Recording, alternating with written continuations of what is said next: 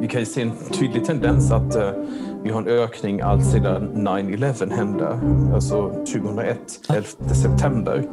Och anledningen är naturligtvis att vi har ett annat sätt att kommunicera med varandra i och med sociala medier och internet. Konspirationsteorier har blivit mer och mer vanligt både i Sverige och i andra länder och många gånger kan man förundras, ja kanske förfasas över att människor verkligen kan tro på vissa av dessa teorier. Varje större kris i vårt samhälle eller världen har blivit en grogrund för uppkomsten av nya konspirationsteorier. Idéhistoriker Andreas Sunnefors vid Uppsala universitet har under många år forskat om att förstå hur dessa teorier uppstår. Och han har också en slags checklista som kan avslöja en konspirationsteori. Du lyssnar på Forskarpodden vid Uppsala universitet. Det här avsnittet produceras av mig, Gunilla Styr. Jag heter Andreas Önnerfors, jag är idéhistoriker och jobbar just nu som docent på historiska institutioner vid Uppsala universitet.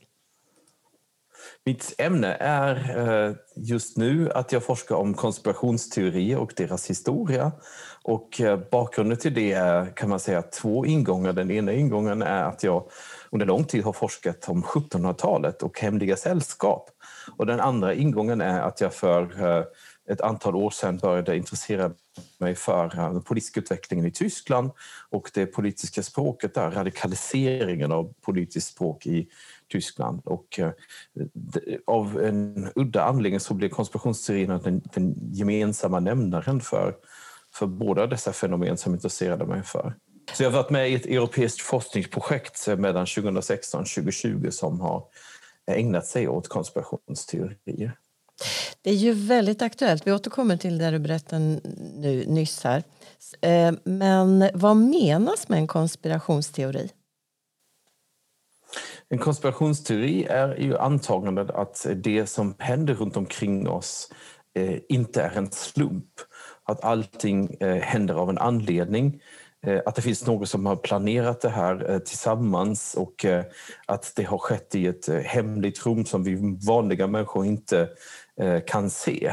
Och oftast så delas också världen in i en sfär av gott och ont där det finns de här onda konspiratörerna och vi andra som drabbas av resultaten av det, det ondas konspiration.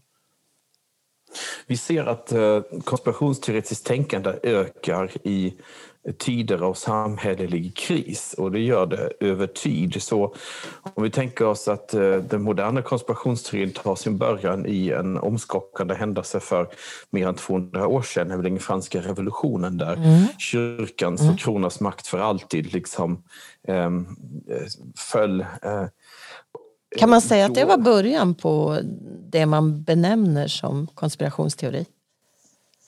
Jag tycker att det finns skäl till det. Vi har exempel för eh, eh, likartat tänkande under tidigare epoker under historien men jag gör poängen att det händer samtidigt som våra moderna politiska eh, eh ideologier uppstår, alltså konservatism, liberalism och socialism som alla uppstår efter franska revolutionen. Och konspirationsteorin blir ett slags modern orsaks orsaksförklaring för händelser. Eh, före franska revolutionen, grovt eh, uttryckt före upplysningstiden, så kunde man ofta eh, ha övernaturliga förklaringar till historiska händelser. Alltså man kunde säga att någonting var Guds vilja att det hände mm. eller att det var mm. förutbestämt av ödet eller någonting sånt.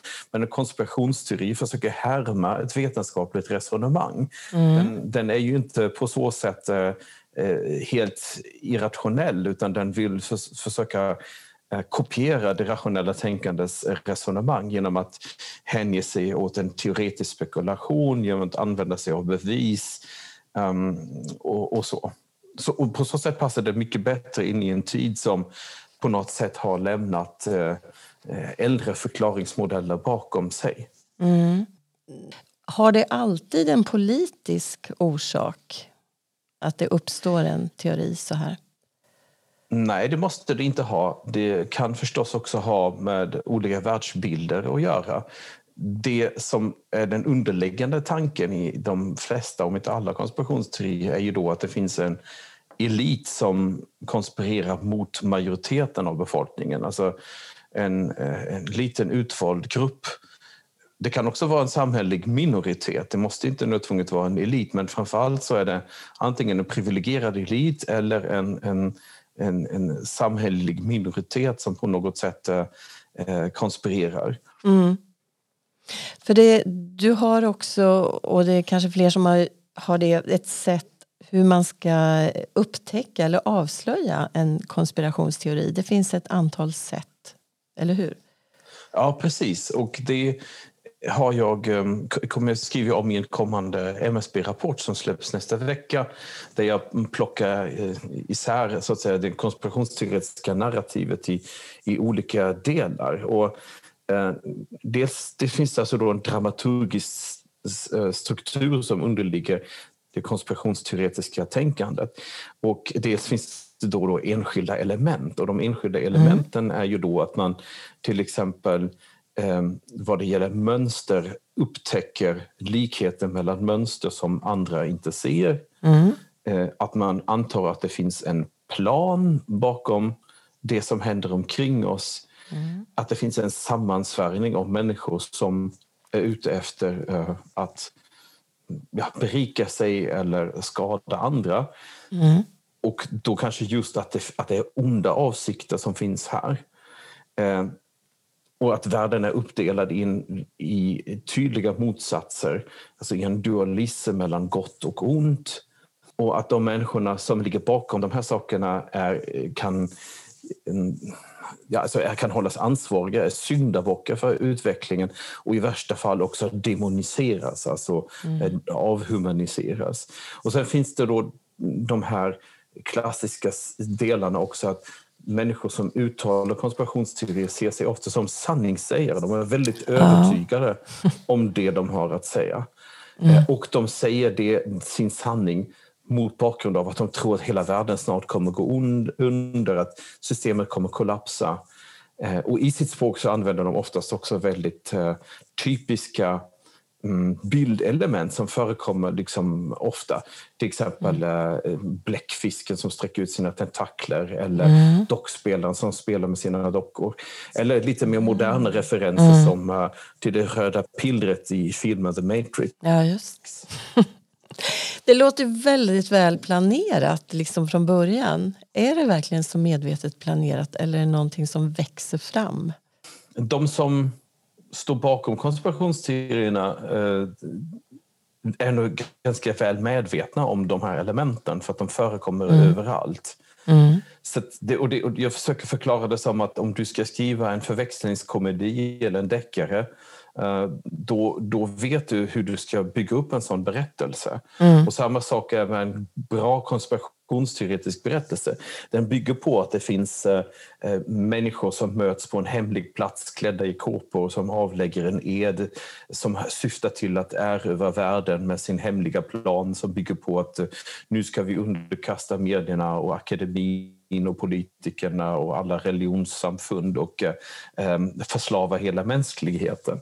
Mm. Eh, det, är liksom, det är en bra berättelse. Så, mm. eh, direkt eller indirekt så följs den även i till synes oskyldiga konspirationsteorier mm. som till exempel de om den platta jorden. Ja, just. Eh, ja. Och sen finns det ju därifrån går det ju sen en, en skala av olika radikaliserade konspiratoriska världsbilder som en, leder ända fram till eh, terroristhandlingar kan man ju säga. Mm. Alla de här konspirationsteorierna bygger på föreställningen att det finns en elit som undanhåller oss sanning eller en minoritet som konspirerar mot oss. Eh, och, och där möts konspirationsteorierna i den gemensamma dramaturgiska strukturen och de enskilda narrativa elementen i, mm. i det hela. Skulle du säga att den är också hemlig eller är den öppen i sin kommunikation? Där finns det en, en intressant ambivalens, nämligen att eh, för att det ska vara trovärdigt så måste ju konspirationsteoretikerna säga att allt detta har planerats i hemlighet. Mm. Men poängen är ju att sanningssägarna är ju de som uppdagar den här hemligheten, som upptäcker och avslöjar konspirationsteorin.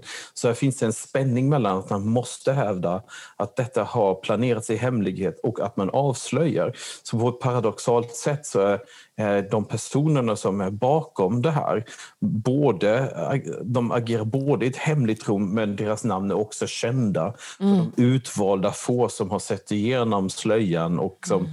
ser de här personerna bakom. Mm. Eh, och som argument används det ofta, ja de är, inte ens, de är inte ens rädda för sin konspiration så de eh, öppet beskriver den här och här och så ger man liksom bevis eller belägg för olika saker och ting där man menar att man, de här planerna blir eh, publicerade mer eller mindre.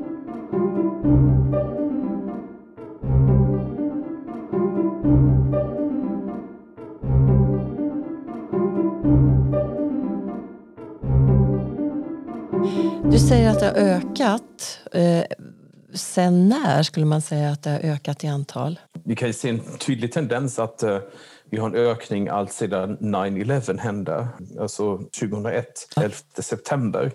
Och anledningen är naturligtvis att vi har ett annat sätt att kommunicera med varandra i och med sociala medier och internet.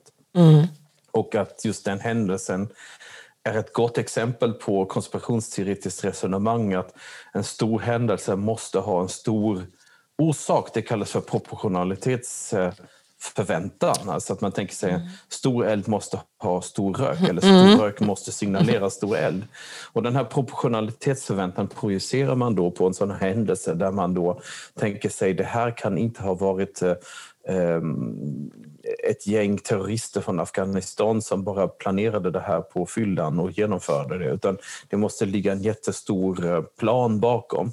Regeringen måste ha känt till det och så vidare. Och sen tolkas då enskilda delar i händelseförloppet som ett bevis för att allting måste ha varit känt för den amerikanska staten och, eh, och, då hamnar man direkt i det här fältet som eh, kallas för deep state konspirationsteorin, att det, det, är staten som konspirerar mot sina egna medborgare. Mm. Och det var, det mm. var så att säga startpunkten på 2000-talet för konspirationsteoretiskt resonemang.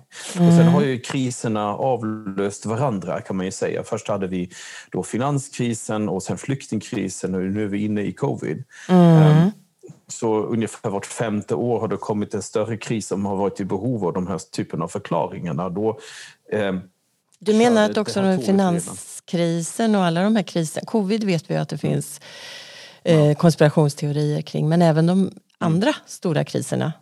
Det, ja, det, ja, det sker automatiskt nästan var lite överraskad. Alltså, vi hade precis avslutat vårt projekt i fjol och i mars 2020 eh, skulle vi presentera våra resultat för uh, vår uppdragsgivare eller vår finansiär i, i, i Bryssel, EU. Ja. Och, uh, vi fick ställa in det mötet, men det var ju liksom, vi kunde ju redan ana att, att covid-19 skulle kicka igång en helt ny cykel av konspirationsteorier. Ja. Uh, och, och, så är det. Så de följer liksom i spåren av stora händelser följer konspirationsteorier. Mm. Sen måste man mm. naturligtvis också skilja vem som uttrycker de här. För att det finns vissa som är konstanta över tid och vissa mm. som eh, uttrycks eh, till exempel av eh, makthavare för att eh, befästa sin egen makt och smutskasta politiska motståndare. Mm. Det ser man ju till exempel med Donald Trump och Stop the Steal-teorierna. Mm. Eh, eller om det är frustrerade människor som blivit av med sina jobb eller som är less på lockdowns och, mm. på gatorna och, och, och um, är helt allmänt frustrerade där konspirationsteorin blir ett sätt att lufta sina, sin frustration. Därför att människor som känner sig maktlösa eller förfördelade eller mm. illa behandlade mm. Eh, ofta vänder sig till konspirationsteorin som en slags sista utväg eller mm. ett, ett, desperat försök att uttrycka sina, sin situation helt enkelt. Mm.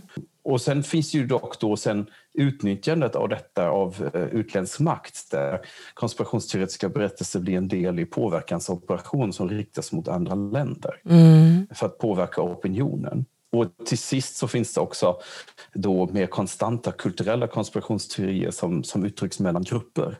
Mm. Um, Så som till exempel nu har det kommit en rapport om uh, skolgårdsantisemitism på Malmö skolor och uh, det är sådana här djupt rotade föreställningar om andra grupper som som um, kommer till uttryck uh, här. Mm. Och, på alla dessa fyra nivåer tänker jag mig att man måste också både förklara och bemöta konspirationsteorierna på olika sätt. Mm. Vad skulle du säga är syftet med att skapa en sån här konspirationsteori? Är det, det, du är inne lite grann på det, men mm. är det för att söndra, härska, skapa oro eller är det egen vinning på något vis?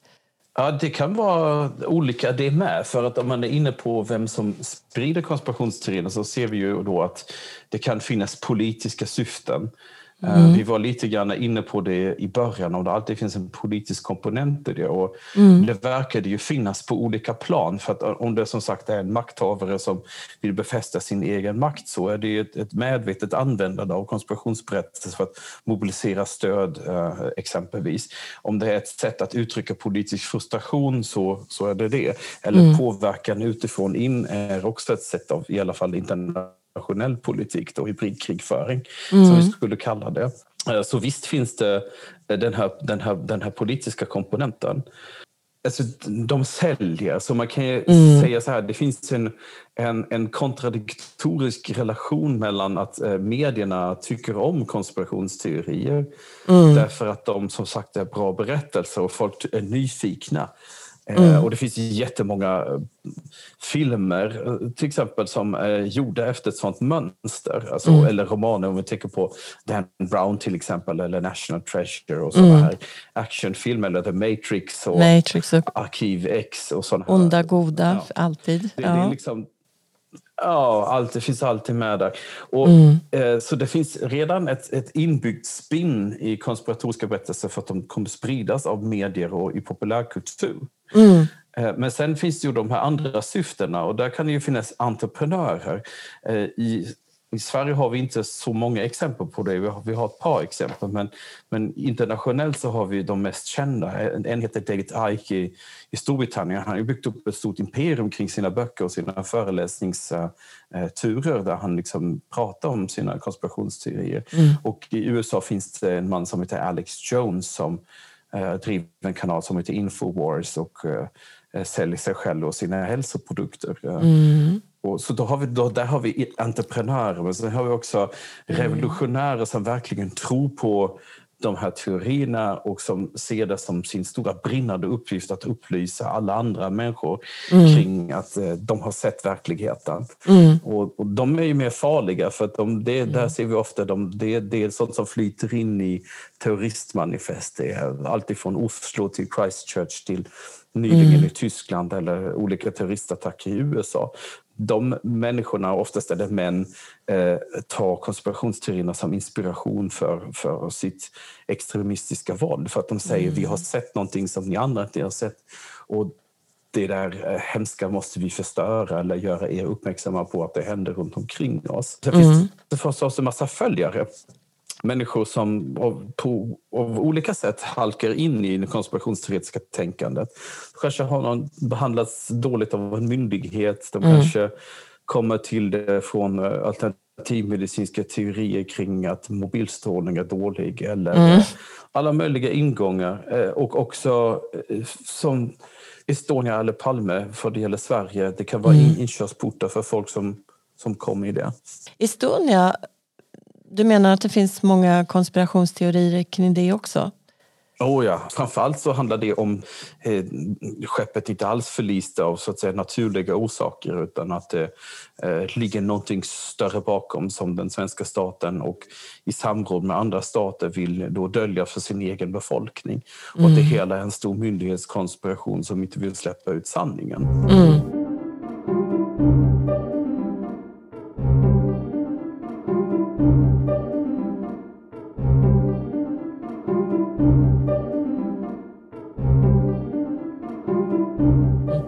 Hur kom det sig att du började intressera dig för det här? Det var ett tiotal år sedan. Det började där, därigenom att jag eh, redan som 1700-talsforskare eh, såg hur under 1700-talets gång eh, konspirationsteorierna byggdes upp och att i, i eh, perioden direkt efter franska revolutionen, hemliga sällskap som jag studerade mm. anklagades för att ligga bakom. Och mm. förstås eh, främst av alla andra Illuminaterna. Och det, mm. så att säga, den, mm. Jag skulle gissa att det är den mest kända konspirationsteorin i hela världen, att alla har en föreställning kring det. Och, mm. eh, och för mig kom det sen det konkreta tillfället när uh, Bering Breivik utförde sitt terrordåd i Oslo mm. uh, 2014. Mm. Och, um, för han påstod att han agerade som, på uppdrag av en uh, av ett ordenssällskap och eftersom jag forskar om ordenssällskap ja. så blev jag förstås nyfiken, laddade ner hans manifest mm -hmm. och började läsa i det. Och, du har läst det? Där började min resa in i att jag inte hela, det går inte att läsa det. Men jag, jag, har, jag har jobbat med det i valda delar. Mm. Um, och där det är helt entydigt att han, att han, hade, att han har en, en, ett konspiratoriskt uh, tänkande som ligger i botten för hur han formulerar sig i, i det här manifestet. Mm. Och inte bara det, sen fanns det de som projicerade in konspirationsteorierna om Anders Behring Breiviks att han skulle ha agerat på uppdrag av eh, Israel för att förstöra Just, fredsprocessen ja. mellan Israel och Palestina. Ah. Och det ena och det andra. Så, och då kom min väg in i att börja skriva om um, ja, hela den här nyhögerrörelsen som har växt fram alltsedan 2014.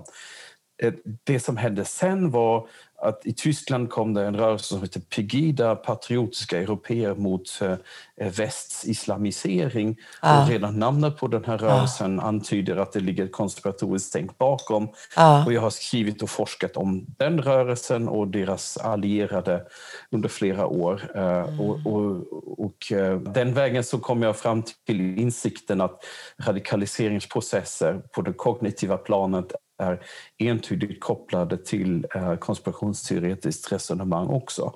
I alla mm. politiska läger. Det gäller ju också islamister naturligtvis. De har ju mm. också sina konspirationsteorier. Ett resultat av det projektet som jag var med i mellan 2016 och 2020, Compact Comparative Analysis of Conspiracy Theories var att vi gav ut en tjock handbok som är så att säga den första tjocka handboken i ämnet. Men vi, vi lanserade också en bokserie och där är jag med i två titlar hittills. Den ena hette Conspiracy Series and the Nordic Countries, alltså fokuserar på Skandinavien. Mm. Och den andra heter Europe Continent of Conspiracies. Mm. Alltså hur Europa har blivit föremål för konspirationsteoretiskt tänkande. Och I den första boken, som vi då är en, en, ett nordiskt gäng av författare som är samförfattare för hela boken, um, så har, jag varit med om framförallt att skriva om idéer kring staten och hemliga sällskap. Mm. Och i den andra mm. boken om Europa så är jag huvudredaktör tillsammans med en kollega från Amsterdam och har mm. skrivit ett kapitel om terroristmanifest i Tyskland 2019 och 20 och konspirationsteori. Är man lite förskonad jämfört med övriga Europa eller världen från konspirationsteorier i Sverige? Det är ju det som vi um, alltid tror. Ja. och uh, det är därför vi tyckte att det var uh, intressant att skriva den här boken. För att mm. vi nordiska författare kände oss ibland lite så marginaliserade när vi åkte på våra uh, konferenser. Ingenting att komma med liksom. Nej, exakt. Precis. Och då pratade de alla om ja, men hur, det liksom har, hur utvecklingen är i Storbritannien. Det var strax efter Brexit och där var liksom all time high med konspirationsteoretiskt stänk vi hade folk från USA som pratade om Trump och Trump mm. dominerade naturligtvis väldigt mycket och sen mm. Östeuropa, ryska påverkansoperationer och så tänkte vi, ja men om vi, om vi samlar ihop oss och så, på det skandinaviska perspektivet så, så ser vi att det faktiskt inte är så ovanligt som man skulle kunna tro. Nej. Och då måste man ju, nej, och då måste man ju dela in det i, dels så kan man se hur globala konspirationsteorier omvandlas i Skandinavien, alltså till exempel vilka grupper understöder 9-11 konspirationsteorier i Skandinavien Skandinavien. Ja. Um, Hittar ni sådana? Eh, ja, oh ja, absolut. Ah. Det finns en, en dansk gren till exempel kring den här gruppen kring uh, arkitekter och teknologer som menar att uh, tornen inte har kunnat falla utan att ha blivit sprängda och sådana här saker. Ah, ja. Uh, ja. Och, och, och sen finns det ju då kulturspecifika och, och där exempelvis då mordet på Olof Palme. Det är en konspirations, eller konspirationsteorierna kring Palmemordet är mm. ju väldigt specifika för Sverige. De har ju nästan ingen mening utanför Sverige. Så vad vi har gjort i den här boken är att vi har visat hur vissa av de här teorierna växlas från den globala till den regionala nivån mm. och hur andra är specifika för, för Norden. Ja. Vad skulle du säga är den starkaste konspirationsteorin kring Palmemordet?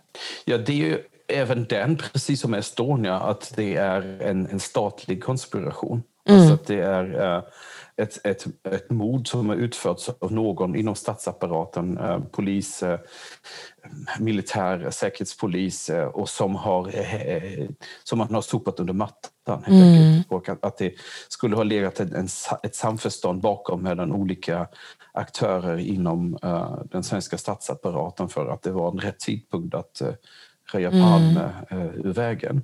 Man är ju fortfarande inte säker på vad, vem som mm. mördade Palme. Lever de, även om man hade varit det, skulle de här mm. teorierna leva kvar tror du? Ja, det är jag helt övertygad om därför att de är meningsskapande berättelser och när människor en gång har köpt en meningsskapande berättelse så är det väldigt svårt att få dem att eh, sluta tro på de här. Det blir nästan mm. som ett eh, substitut för religion. Um, och därför brukar jag säga idag att vi nästan måste titta på när vi hade en sektproblematik i Sverige. Alltså ja. Nu går ju till exempel den här programmet om Knutby ja. på, på tv mm. och jag ser stora paralleller för att jag menar mm. det är den typen av kognitiva processer som gör att folk plötsligt eh, befinner sig utanför de systemen som vi mm. annars i samhället accepterar för hur man ska eh, tänka och bete sig. Och folk som tror på konspirationsteorier är i olika grader naturligtvis på väg mot eh, en, en sån process där de lämnar verkligheten. För jag tänker, man brukar, om man jämför med USA så är ju vi svenskar, vi har ju en väldigt mm. stark tro på staten. Det är väl, vad ja. säger man, 80 procent nästan jämfört med USA där det är 80 procent som inte tror på staten. Men det, det, det, spelar liksom ingen roll där riktigt. Jo, jo det är klart att det, att det spelar en roll. Säga är att eh, påverkansoperationer spelar en större roll i tvåpartisystem. Därför, eller när du har en polariserande fråga som folkomröstningen om Brexit. Då, mm. då kan du lätt använda påverkansoperationer eller konspiratoriska berättelser för att påverka opinionen i en särskild riktning. Speciellt när det är så pass jämnt mellan, mellan opinionen. Mm. Eh, Medan du i ett flerpartisystem där man kan tillåta en lite större bandbredd av vad, vad man kan tycka och tro om saker och ting så slår det inte lika hårt. Du kan inte tjäna lika mycket på att profilera dig på samma sätt. Men om vi skulle börja prata pratar om covid så kan vi se att det för det första skapas nya allianser mm. som är oroväckande eh, och för det andra att människor som annars inte har eh, anammat konspirationsteoretiska berättelser mm. Eh, har visat sig göra det. Det är klart att man kan tänka på att det finns en tendens att vi går ännu mer in i det vi kallar för digitala ekokammare Eh, under en, en, period när vi inte får träffas fysiskt eller inte kan anordna debatter eller någonting sånt. Det kan vara en förklarande orsak. Eh, och sen naturligtvis att det är en så pass komplex fråga mm. Eh, som blandar in folkhälsovetenskaplig kunskap och eh, effektiviteten av politiska åtgärder. Så, och samtidigt en kris som innebär att människor dör, att mm. vårt sjukvårdssystem är överbelastat och så. Mm. Så det är en väldigt känsloladdad fråga naturligtvis också. Mm. Du sa att du hade, ni har forskat också om konspirationsteorier i Europa. Ja, jag tänker mig att huvudbudskapet med den boken är att våra föreställningar om Europa är präglade av ett konspirationsteoretiskt eh, förhållningssätt. Därför att eh, väldigt ofta när man pratar om Europa så tänker man antingen kring att, att vår civilisation, västerlandet, eh, håller på att förfalla alltså inifrån. Vi har tappat vår vår gemensamma kulturella bas, eh, de traditionella värdena urholkas på grund av krafter inom Europa som försvagar oss. Eh, kulturmarxister, liberaler, feminister, eh, allt möjligt som kan, kan citeras. Mm. Det är den ena berättelsen. Den andra berättelsen är vi är för svaga för att stå emot invasionen som vi utsätts för utifrån. Så, och de båda konspiratoriska berättelserna möts på något sätt. Alltså hotet om den externa, externa utplåningen i kombination mm. med hotet om den inre upplösningen. Och då naturligtvis ännu värre när de båda krafterna sägs samverka. Alltså till exempel, jag hittar på en historia om att 1975 så träffades eh, muslimska ledare och eh, europeiska liberaler för att skriva på ett avtal om att eh, förstöra de europeiska nationalstaterna. Mm. Då har jag den perfekta alliansen av yttre fiender och inre fiender som verkar för kontinentens sammanfall. Mm. Ehm, och de berättelserna finns eh, absolut och de, de, undersöker vi i boken. De har tagit sig olika uttryck under de senaste tio åren eh, och aktualiseras på olika sätt. Och sen tittar vi också på specifika teorier, till exempel att EU skulle vara en fortsättning av Tredje riket. Det är en, en väldigt populär konspirationsteori som både mm. citerades under Brexit men också i samband med grekiska skuldkrisen. Mm. Eh, eller att EU eh, e helt enkelt är en dekadent eh, europeisk kraft och ett så att säga äkta Europa, det är det som är Ryssland och de nya illiberala demokratierna i öst som, som står för den äkta europeiska civilisationen. Mm. Och att väst mer eller mindre är förlorat. Man måste vara ganska psykiskt stark och forska om det här. Att du inte, hur kan du förhålla dig kallsinnig till allt det här? Det är nog lätt att liksom trassla in sig. Det är, eh, det är svårt. Det är så, till exempel när jag det finns en, en, en konspirationsteori om, som, om det stora folkutbytet som är kläckt av en fransk eh, filosof som heter Renaud Camus som menar att eh, de liberala eliterna mer eller mindre eh, medvetet tillåter att Europa blir förstört av, av invandring och så. Och, och den, den, boken går ju någorlunda att läsa. Men sen finns det en tysk popularisering av det som är skriven av en, en en militant person. Och när jag läste den så alltså, jag kunde bara läsa 10-15 minuter i stöten för att det var så toxiskt språk. Det var så mm. giftigt att eh, eh, det var helt enkelt eh, hemskt att, att, läsa det utan att själv bli på något sätt påverkad av det här mm. språket. Men sen tänkte jag mig att någon måste ju göra det. Men jag menar, vissa saker går ju inte ens att citera i en vetenskaplig uppsats. Det, alltså, det, det är så absurt. Jag tänker på den här ja. Qanon-nätverket runt ja, USA-valet med Hillary Clintons och de äter barn och allt vad det var för någonting. Ja är, hur kan man tro på något sånt? Va? Finns det forskning kring det också? Den här psykologin kring vilka, mm. varför? Ja, absolut. Och det har vi, hade vi vårt eh, forskningsprojekt hade vi ett duktigt gäng med psykologer och socialpsykologer som, mm. som var med. Och deras förklaring är ju den att eh, tron på konspirationsteorier är så pass spridd mm. att vi inte kan kalla de här människorna som avvikande ur, ur ett sjukdomsperspektiv. Och vi har inga diagnoskoder för att att säga, diagnostisera en konspirationsteoretiker. Utan vi utgår istället ifrån att personerna är psykologiskt friska men har så kallat accentuerade personlighetsdrag. Det vill säga du har en viss fallenhet för för det. Och där kan man mm. etablera en korrelation. Du kan se till exempel att människor som har eh, en större alltså som har eh, varit utsatt för traumatiska händelser eller som har en paranoid mm. läggning av något, mm. något slag. Och sen är du på nätet och läser text om det hela. Då kanske är det den förklaringen som du behöver ha för att göra skapa en mening kring varför du har blivit så dåligt behandlad.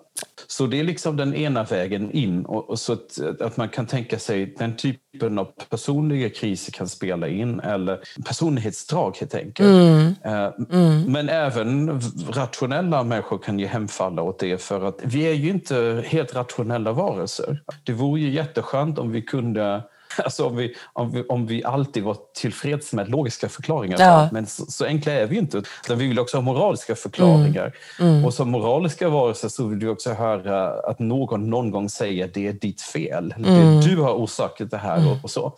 Um, och, och det, där kommer de komplexa eh, psykologiska processerna in med att man vi letar syndabockar på vilka man kan projicera sina egna tillkortakommanden men också projicera ett ansvar för det som, som händer omkring en. Min, min lilla specialområde som jag vill skriva min nästa bok om är, är bilderna, bildspråket. Mm. Ja.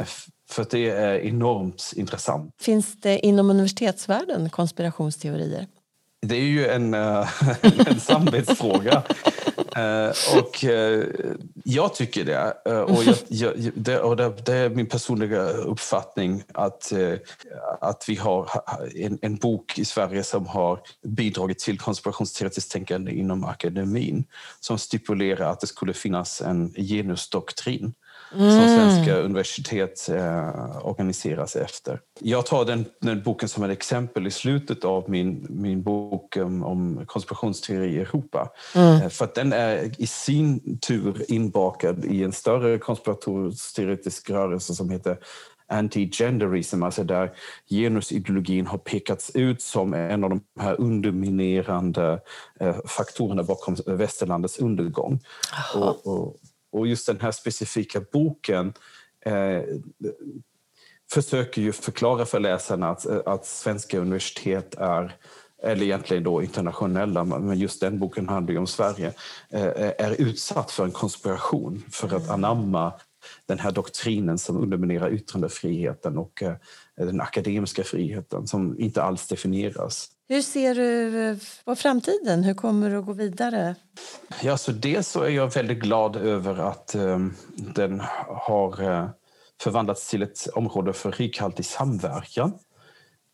Så resultatet mm. av min forskning har varit att eh, jag har byggt upp en kontakt med MSB och att det släpps en rapport om fenomenet mm. ganska snart. Men också andra civilsamhälleliga aktörer har hört av sig som till exempel eh, den här organisationen Jag är här som försöker motverka eh, hat eh, online och där man försöker mm. man vill utveckla ett verktyg med vilket man kan bemöta konspirationsteoretiskt tänkande ja, framförallt bland, bland ungdomar. Då. Mm. Och, Sen finns det ju en hel del lärare och representanter för det pedagogiska fältet som har hört av sig också. Jag, jag tycker det är jättebra att, att, eh, att, att, att det här är ett exempel på humanistisk forskning som kan mm. Verkligen omvandlas till eh, ett produktivt om, område för samverkan. Mm. Om du frågar mig om framtiden så hoppas jag ju att den insikten Eh, komma fram. För att jag tror att eh, vi tror ju ofta att vi kan komma åt desinformation genom att vi lär mm. ut mer källkritik och mer informationskunskap till barnen i skolan. Mm. Men det är mer komplext än så, för att som jag mm. förklarade innan så är en konspirationsteori en berättelse. Mm. Men vem berättar för barnen hur en berättelse fungerar? Då måste vi ha litteraturvetenskap, vi måste ha filmkunskap, vi måste ha mm. mediekunskap. Vem lär ut till barnen vad en moralisk värdering är? Mm. Hur kan jag bilda mig en uppfattning om vad som är rätt och fel på rätt grunder? För att konspirationsteoretiker är oftast jätteduktiga att samla in en massa bevis, mm. presentera bevis. Men när man frågar dem efter deras moraliska resonemang så handlar det ofta om ja men detta görs därför att Illuminati är onda. Mm. Vi vet ju att människor är mycket mer komplexa än så, att det finns en stor skala. Så därför behöver vi också ha etisk kunskap och vi måste ha religionskunskap för att förstå vad en myt är och förstå vad ett religiöst tänkande är. Det, det, det är ett av de områdena som jag tycker är absolut eh, viktigast. Du har lyssnat på Forskarpodden med Andreas Önnefors. Följ oss på iTunes eller i andra poddläsare. Kontakta oss gärna i sociala medier på hashtag forskarpodden eller på universitetets webbsida uu.se forskarpodden. Jag heter Gunilla Styr och Forskarpodden produceras av Uppsala universitet med musik av Marcus Sjöblom.